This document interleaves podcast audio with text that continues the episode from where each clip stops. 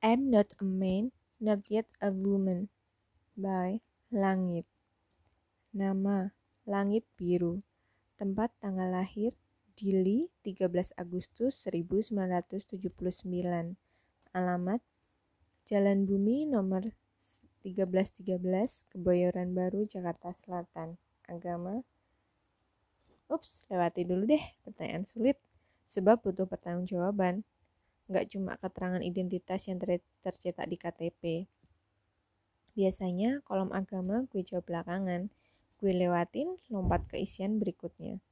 Jenis kelamin, laki-laki atau perempuan.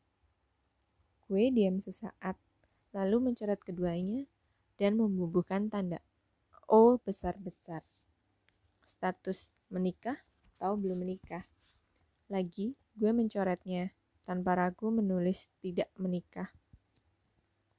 Setelah memeriksa kembali formulir perpanjangan KTP, gue berjalan menuju loket. Melalui lubang loket, gue mengulurkan formulir itu ke seorang lelaki berkacamata dan berkumis lebat. Ia menerima lembaran itu dengan wajah tanpa senyum. Lalu sesaat kemudian mengamatinya dengan ekspresi heran. Mbak, maaf, yang ini maksudnya apa? Petugas berseragam krem itu menunjuk ke isian jenis kelamin. Wajahnya jauh dari ramah. Mungkin ia terlalu lelah atau bosan dengan pekerjaannya. Maksudnya nol apa, Mbak? Tanyanya lagi ketika menyadari kalau gue cuma diam memandang pada bagian yang ditunjukkannya. Saya hanya belum menentukan kelamin saya, Pak. Gak bisa, Mbak. Lawung jelas-jelas Mbak ini cewek tinggal milih perempuan toh. Say. Sep bener. Mau nggak mau kita tetap harus milih. Tapi pak saya belum milih mau kelamin cewek apa cowok. Hak saya kan kalau mau dikosongin. Lah terus mbak maunya gimana? Kalau bukan perempuan terus mau jadi laki-laki?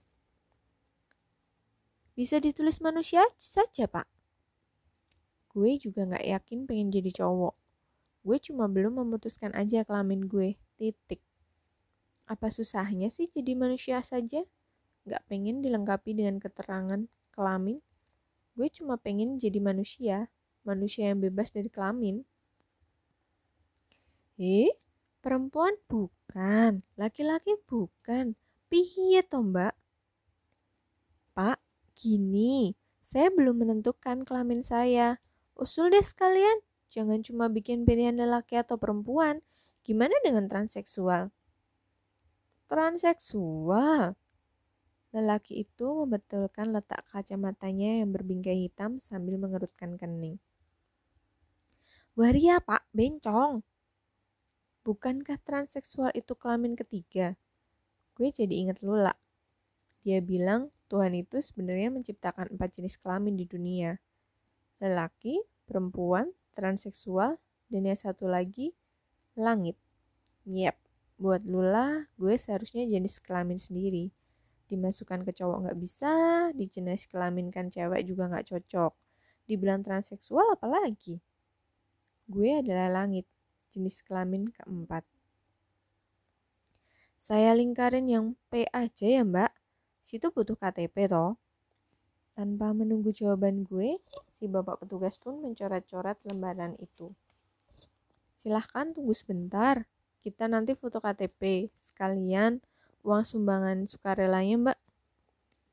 Cow, jiwa gue menolak dikelaminkan, tapi kehidupan bernegara di Indonesia menuntut pengelaminan yang jelas. I'm not a man, not yet a woman. To Dean Constantine Subject Re for better and worse. Dean, thanks for the invitation. I will check my schedule and tell you if I would come to join two of you. Once again, congrats. Live happily ever after. Say hi to June. Really miss you all. Langit. Dean Constantine wrote, Dear Langit, please check it out. I hope you will be there. Me and June are waiting for your arrival. Hug and kiss, Dean. Kursor beralih ke tombol send. Tangan gue berhenti. Entah kenapa, gue justru mengurungkan niat menekan tombol itu. Say yes, like we did. Um, should I say yes, Dean? Yes, I would come. Is that really what you want? I already said yes, Dean. Once upon time, when you asked me to say yes, gue udah bilang itu. Bilang itu lebih dari sekali ke lo Din pertama gue bilang yes pas lo nembak gue. Kedua pas lo bilang kalau lo nggak bisa ngelanjutin hubungan lo sama gue karena ada seseorang yang lain. Saat itu pun gue bilang yes ketika lo minta hubungan kita berakhir. No yes for what more Din Ups, siapa nih yang bakal nikah? Sebuah suara ngagetin gue dari belakang. Gue noleh. Sebastian tersenyum lecik. Sejak kapan lo ada di situ? Tanya gue. Sejak kursor lo bergerak-gerak di gambar hati. Sebastian melangkah masuk ke kubikal gue, lalu menarik sebuah kursi dan duduk di samping gue. Lula belum datang. Sambungnya. Gue menggelengkan kepala melirik ke arah jam tangan yang melilit gagah di pergelangan tangan gue. Kalau dia udah ada di situ sejak gue menggerak-gerakkan kursor di gambar hati pada wedding invitation, artinya dia juga baca balasan gue buat Jin. Dia bilang sekitar jam tujuan baru bisa sampai sini. Gue berusaha mengalihkan perhatian Sep dengan memberi informasi tentang Lula yang bakal datang telat. Sebastian manggut-manggut. Matanya bergerak menyapu ke meja kerja gue. Tangannya menjangkau tumpukan novel yang ada di sisi kanan gue. Baru. Yes, berhasil. Iya, mana novel terbaru lo? Tanya gue. Bagus. Saya mengabaikan pertanyaan gue. Baca aja sendiri. Punya lo atau punya kantor?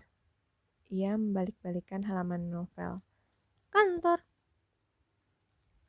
Duh, lu ngomong punya lu juga gak apa-apa. Gak usah malu baca begini ya.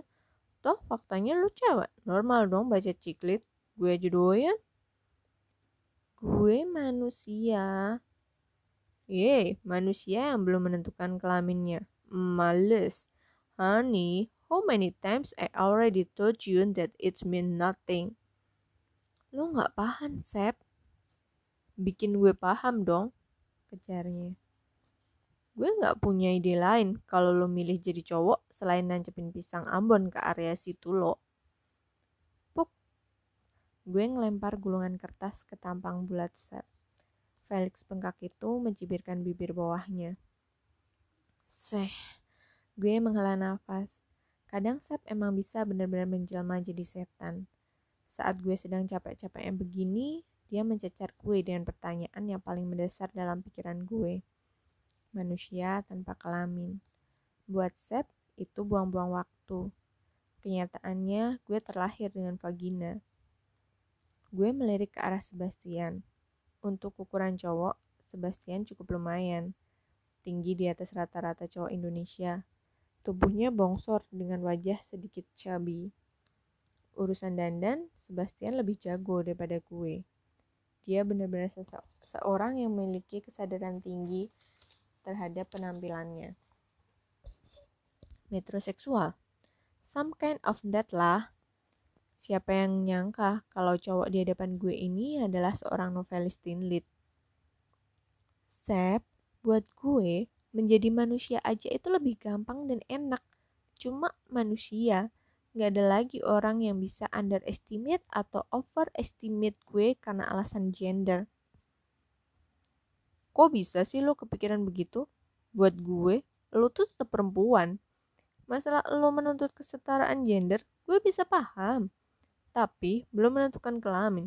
Cih, that is a stupid thing.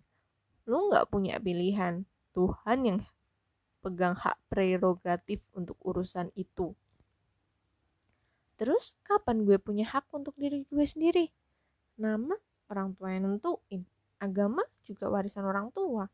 Kelamin Tuhan yang punya hak prerogatif. Terus hak gue apa, Sep? Orientasi seksual lo. Gue ngakak. I think he is a damn right. No. Ya, seksualitas lo gak bakal bisa bohong. Dia memilih, bukan dipilihkan. Awal musim dingin 2003. Salju turun tipis-tipis. Gue berlari tergesa keluar dari mobil Alex menuju ke pintu tra trailer milik Dean. Salju menumpuk di, di tangga depan. Jejak gue meninggalkan bekas tapak sepatu yang jelas. Tangan gue teru terulur untuk mendorong kenop pintu, tapi terkunci. Alex yang telah memarkir mobil berjalan menaiki tangga trailer. No one at home? Heeh. Jawab gue sambil menggigitkan bahu. Tadi pas aku keluar, si Jun datang. Apa Din keluar sama Jun ya? Gumam Alex sambil mengeluarkan kunci dari saku celananya. Gue bergeming. Dingin mulai menyusup ke leher gue yang tak terbungkus syal. Jun, teman sekampus Dean, anak dari pemilik restoran tempat Alex bekerja sambilan. Pintu terbuka. Gue dan Alex buru-buru masuk ke trailer. Hangat. Heater menyala. Tapi suasana sepi. Seolah tak ada seorang pun di trailer. Gue sering banget main ke trailer Dean dan Alex. Alex sih. Trailer main trailer made Dean, pelajar dari Rusia. Sementara Dean berasal dari DC. Kami berempat kuliah di Western Carolina University yang berada di negara bagian North Carolina, USA. Gue dan Alex berjalan menuju kamar Dean. Dean, langit is here. Where are you at? Teriaknya sambil mendorong pintu kamar Dean. Kret, pintu terbuka. 2003, musim dingin itu gue patah hati. Iya, gue anggap patah hati. Even though gue nggak yakin kalau gue sakit hati. Dean, pacar gue memilih mengakhiri hubungan dengan gue. Dean is so damn cute. Gue pikir gue emang suka dia dengan segala sikap dia. Dean itu ibarat langitnya gue, biru. Tiap kali gue lihat langit biru, gue pasti inget Dean. He's, he likes blue. Blue for Dean is sky, and his sky was me. Till the time told us the truth that his sky is not me anymore. I'm just a cloud, and I was feeling so blue at the at the moment. Hello, lu kira gue di sini pajangan? Suara Sep yang berat menggelegar. Gue tersentak. Alah, nih bocah emang bener-bener jago kalau harus ngerusak hari orang. Gue melemparkan tatapan sinis. Gue udah bilang, gak guna lo nyipit-nyipitin mata buat bikin gue gemetar. Gak ngaruh. Sekarang tangan gempal itu terulur mengambil sebuah pensil berbentuk kaktus yang ada di tempat pensil gue itu pensil hadiah ulang tahun gue yang dikasih oleh Koko, teman gue dari bagian grafis. Kata dia keren dan unik, seunik gue. Tapi soal kerennya gak ada dalam opsi tuh. Sejak saat itu gue berpikir, unik adalah padanan kata yang lebih halus untuk bilang lo gak cukup keren. Saya mengamati benda unik dan keren yang ada di tangannya. Oh my god, kasih tahu gue apa fungsinya benda ini buat lo. Lo bahkan gak merautnya supaya bisa digunakan. Tatapan matanya tiba-tiba berubah penuh selidik. Maksud lo? Ini dildo ya? What? Kenapa lo? Wajar dong gue curiga mengingat bentuknya yang mirip dildo. Secara lo gak menentukan kelamin. Gue curiga lo bahkan gak bisa menikmati hubungan sama pacar lo ketika kalian mulai gitu-gituan. Lo pikir gue sakit? Emang orang yang pakai dildo sakit? Kalau gitu, sex shop gak bakal jualan benda ini. Sep mengacu-ngacukan dildo. Eh, maksud gue pensil gue ke udara. Gue berusaha merebut pensil itu dari tangan Sep. Tapi ia lebih tinggi dan besar dari gue. Monyong, buta apa lo? Balikin pensil gue. You sick. Sep tersenyum tipis. Tepatnya tersenyum licik. Lo yang sakit. Orang pakai dildo lebih normal daripada lo yang berusaha ngebuang kelamin lo. Gue bener-bener hilang kesabaran dengan mulut nyinyir Sep. Untuk ukuran cowok, makhluk ini cerewet abis. Dia sanggup berubah jadi nenek sihir yang cerewet sekaligus punya waktu buat ngerumpi dengan korbannya sebelum disihir jadi kodok. Gue merampas pensil itu ketika Sep kembali duduk di kursi. Lavalam lo juga bentuknya aneh, kayak dildo. Rupanya Felix bengkak ini belum belum mau mengakhiri topik dildo. Gue melirik ke arah lava lamp di meja gue yang berbentuk panjang dan ujungnya mengerucut. Emang sih, kayak dildo. Kenapa baru gue baru kepikiran sekarang ya? Gue curiga, di bawah meja tangan lo gini-gini. Kata Sep sambil membuat gerakan mengocok dengan tangannya. Emosi jiwa, gue timpuk kepalanya dengan kamus besar bahasa Indonesia, lalu pergi ke pantry mengambil minum. Gue butuh asupan cairan, ngomong sama Sep bikin gue dehidrasi. Dan inilah awal kebodohan gue. Gue lupa makhluk itu bisa menjelma menjadi Medusa. No, no, no, Medusa kan cewek. Nah, kalau Sep? Gue kembali ke kubikal gue dan menemukan Sep sudah mengotak-atik komputer gue. Mampus, email dari Dean. Terlambat. The devil already read it. Perlu gue bantu tekan send ya? Tanya Sep datar. Kok lo lancang baca sih? Beb, gue nggak lancang. Email lu terbuka dan komputer lu nyala. Gue cuma lihat apa yang ada di depan gue. Lagian gak ada sesuatu yang rahasia kan? Undangan kawin doang. Gue memuskan nafas. Keki sekaligus gak tahu harus bilang apa lagi ke Sep. Memang bukan dia sengaja baca, Toh gue meninggalkan komputer dan email gue dalam kondisi terbuka. Dan seperti kata Sep, dengan kawin doang, kenapa juga gue ngerasa kayak begini? Minggir, kata gue judes. Sep menyingkir tanpa banyak tanya. Kok malah simpan di draft sih? Kan tinggal send. Ternyata dugaan gue keliru. Sep tetap resek dan banyak tanya. Wajah lain nongol di hadapan gue, Lula. Sorry ya, gue telat. Deadline, Bo. Katanya sambil mencium pipi Sep dan gue bergantian. It's okay, Han. Jawab Sep. Gimana proyek cari laki lo? Aha, itu yang mau gue bahas kejut semua. Lula mengerling, mengerling genit. Rambut kerintiknya tampak lebih rapi malam ini. Ada yang mau gue tunjukin, tapi ntar aja sambil makan. Gue diam aja, masih berusaha menyembunyikan kedongkolan gue pada Sep dengan berpura-pura mematikan komputer. Tapi gue pikir malam ini hari habisnya gue. Dua sahabat gue yang biasanya nggak banyak tanya tentang urusan pribadi gue, semua berubah nyinyir malam ini. Jadinya gimana lang? Lo jadi kenikahan Din? Pertanyaan Lula membuat semuanya jadi sempurna malam ini. Sepasang mata Sep kembali menelanjangi gue. Itu yang di email tadi kan? Email apaan? Lula bertanya. Tadi gue gak sengaja lihat email ada gambar lupi-lupi gitu deh. Gue mendelik ke arah Sep. Terlambat, Lula menangkap mata gue yang melebar mengabaikan tatapan gue yang membesar, bukan menyipit seperti biasanya. Sep kembali bercerita pada Lula tentang apa yang ia lihat. Oh no, bagaimana gue bisa salah pilih temen sih? Siapa sih sebenarnya Din sampai bikin lo bengong di depan kompi? Tanya Lula. Ija, dan siapa sih Din sampai bikin lo gampang nyolot hari ini? That's so not you, right?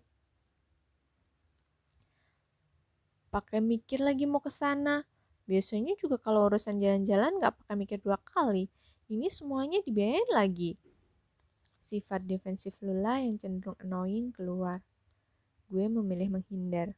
Bicara soal Din benar-benar mengusik harga diri gue yang perempuan itu. Mau pergi enggak? Tanya gue tanpa melihat ke arah dua wajah yang meminta dipuaskan dengan sebuah penjelasan lebih lengkap tentang Din. Tak ada reaksi. Dua makhluk itu nggak bergerak. Gue batal pergi kalau lo nggak kasih penjelasan. Lula malah duduk di kursi, Sep mengangguk. Persis abdi setan betina yang selalu mematuhi titah junjungannya. Tiba-tiba muncul tiba-tiba muncul halusinasi di otak gue. Iblis merah dengan tongkat Ursulanya menyeringai, siap menyeret gue ke neraka. Dan neraka itu di sini ketika gue berhadapan dengan dua makhluk lulusan dari neraka yang meraih predikat cum laude. Ini bakal lebih sulit. Gue buang-buang waktu untuk nunggu mereka. Dan ujung-ujungnya malah batal. Bagus. Makin sempurna lah hari ini buat gue. Mantan gue, puas. Kita bisa pergi sekarang. Gue berbalik dan berjalan menuju pintu. Belum? Itu suara Sep. Gue berhenti melangkah. Dua makhluk itu juga gak beranjak dari tempatnya. Kenapa? Tanya gue tanpa menoleh. Kalau cuma mantan, lo gak akan bereaksi kayak gini. Bulan lalu pas lo putus dari cowok lo yang terakhir, lo nyenteng-nyenteng aja tuh. Ih, dan waktu itu lo ngajuin pertanyaan apa, lo boleh ngedeketin mantan gue, ujar gue dalam hati pada Lula. Dan ini mantan lu yang di Amerika kan? Sep makin mencecar. Patah hati karena mantan mau nikah, sekali lagi it's not you. In fact, it's Lula, ya kan Beb? Sep mengedipkan matanya penuh arti. Jalan! Lula menimpuk kepalanya dengan pensil yang lagi nganggur di meja gue. Panjang umur, Untung gak kena. Please deh, Sep. So not you, so not you. Kayak lo kenal bener sama gue. Ketus gue. Gue menoleh dan segera menyadari ekspresi tersinggung terlihat di wajah cabi Sep. Ia mengatatkan bibirnya hingga membentuk garis sinis. Rasa sesal tiba-tiba menyelinap dalam diri gue. Aduh, gue ngomong apa sih barusan? Lula bangkit dari kursi. Oke, mungkin memang cuma segini pertemanan kita. Gue dan Sep gak kenal lo. Sepasang sahabat gue itu melangkah melewati gue, menuju ke arah pintu keluar, dan perlahan dan perasaan yang gue tahu pasti kecewa. Guys, sorry, bukan itu maksud gue. Gue berusaha menghentikan langkah mereka dengan suara gue yang melemah. Gue cuma belum siap menerima kenyataan. And that's so not you. Oh shit, damn it. I said it again. Sep ngoceh sendiri. Lula berbalik menghadap ke arah gue. Justru ini gue yang sebenarnya. Selama ini yang gue lakukan cuma denial. Ini tentang Jin? Tanya Lula. Gue mengangguk. Lo belum bisa nerima karena dia mau nikah dengan orang lain. Gue menggeleng. Dia ninggalin gue demi orang yang akan dia nikahin ini. Rasanya berat banget ngomongin ini. Tapi, perasaan bersalah karena gue udah secara gak sengaja menyakiti dua orang teman gue, bikin gue milih bicara jujur. Cuma itu, saya bertanya dengan nada gak percaya. Gue menggeleng. Lula menatap gue tajam. Lo gak bisa terima karena dia ninggalin lo demi orang ini. Gue menggeleng. Jadi, Sep mulai gak sabaran. Gue gak bisa terima aja sama kenyataan kalau gue harus bersaing dengan laki-laki.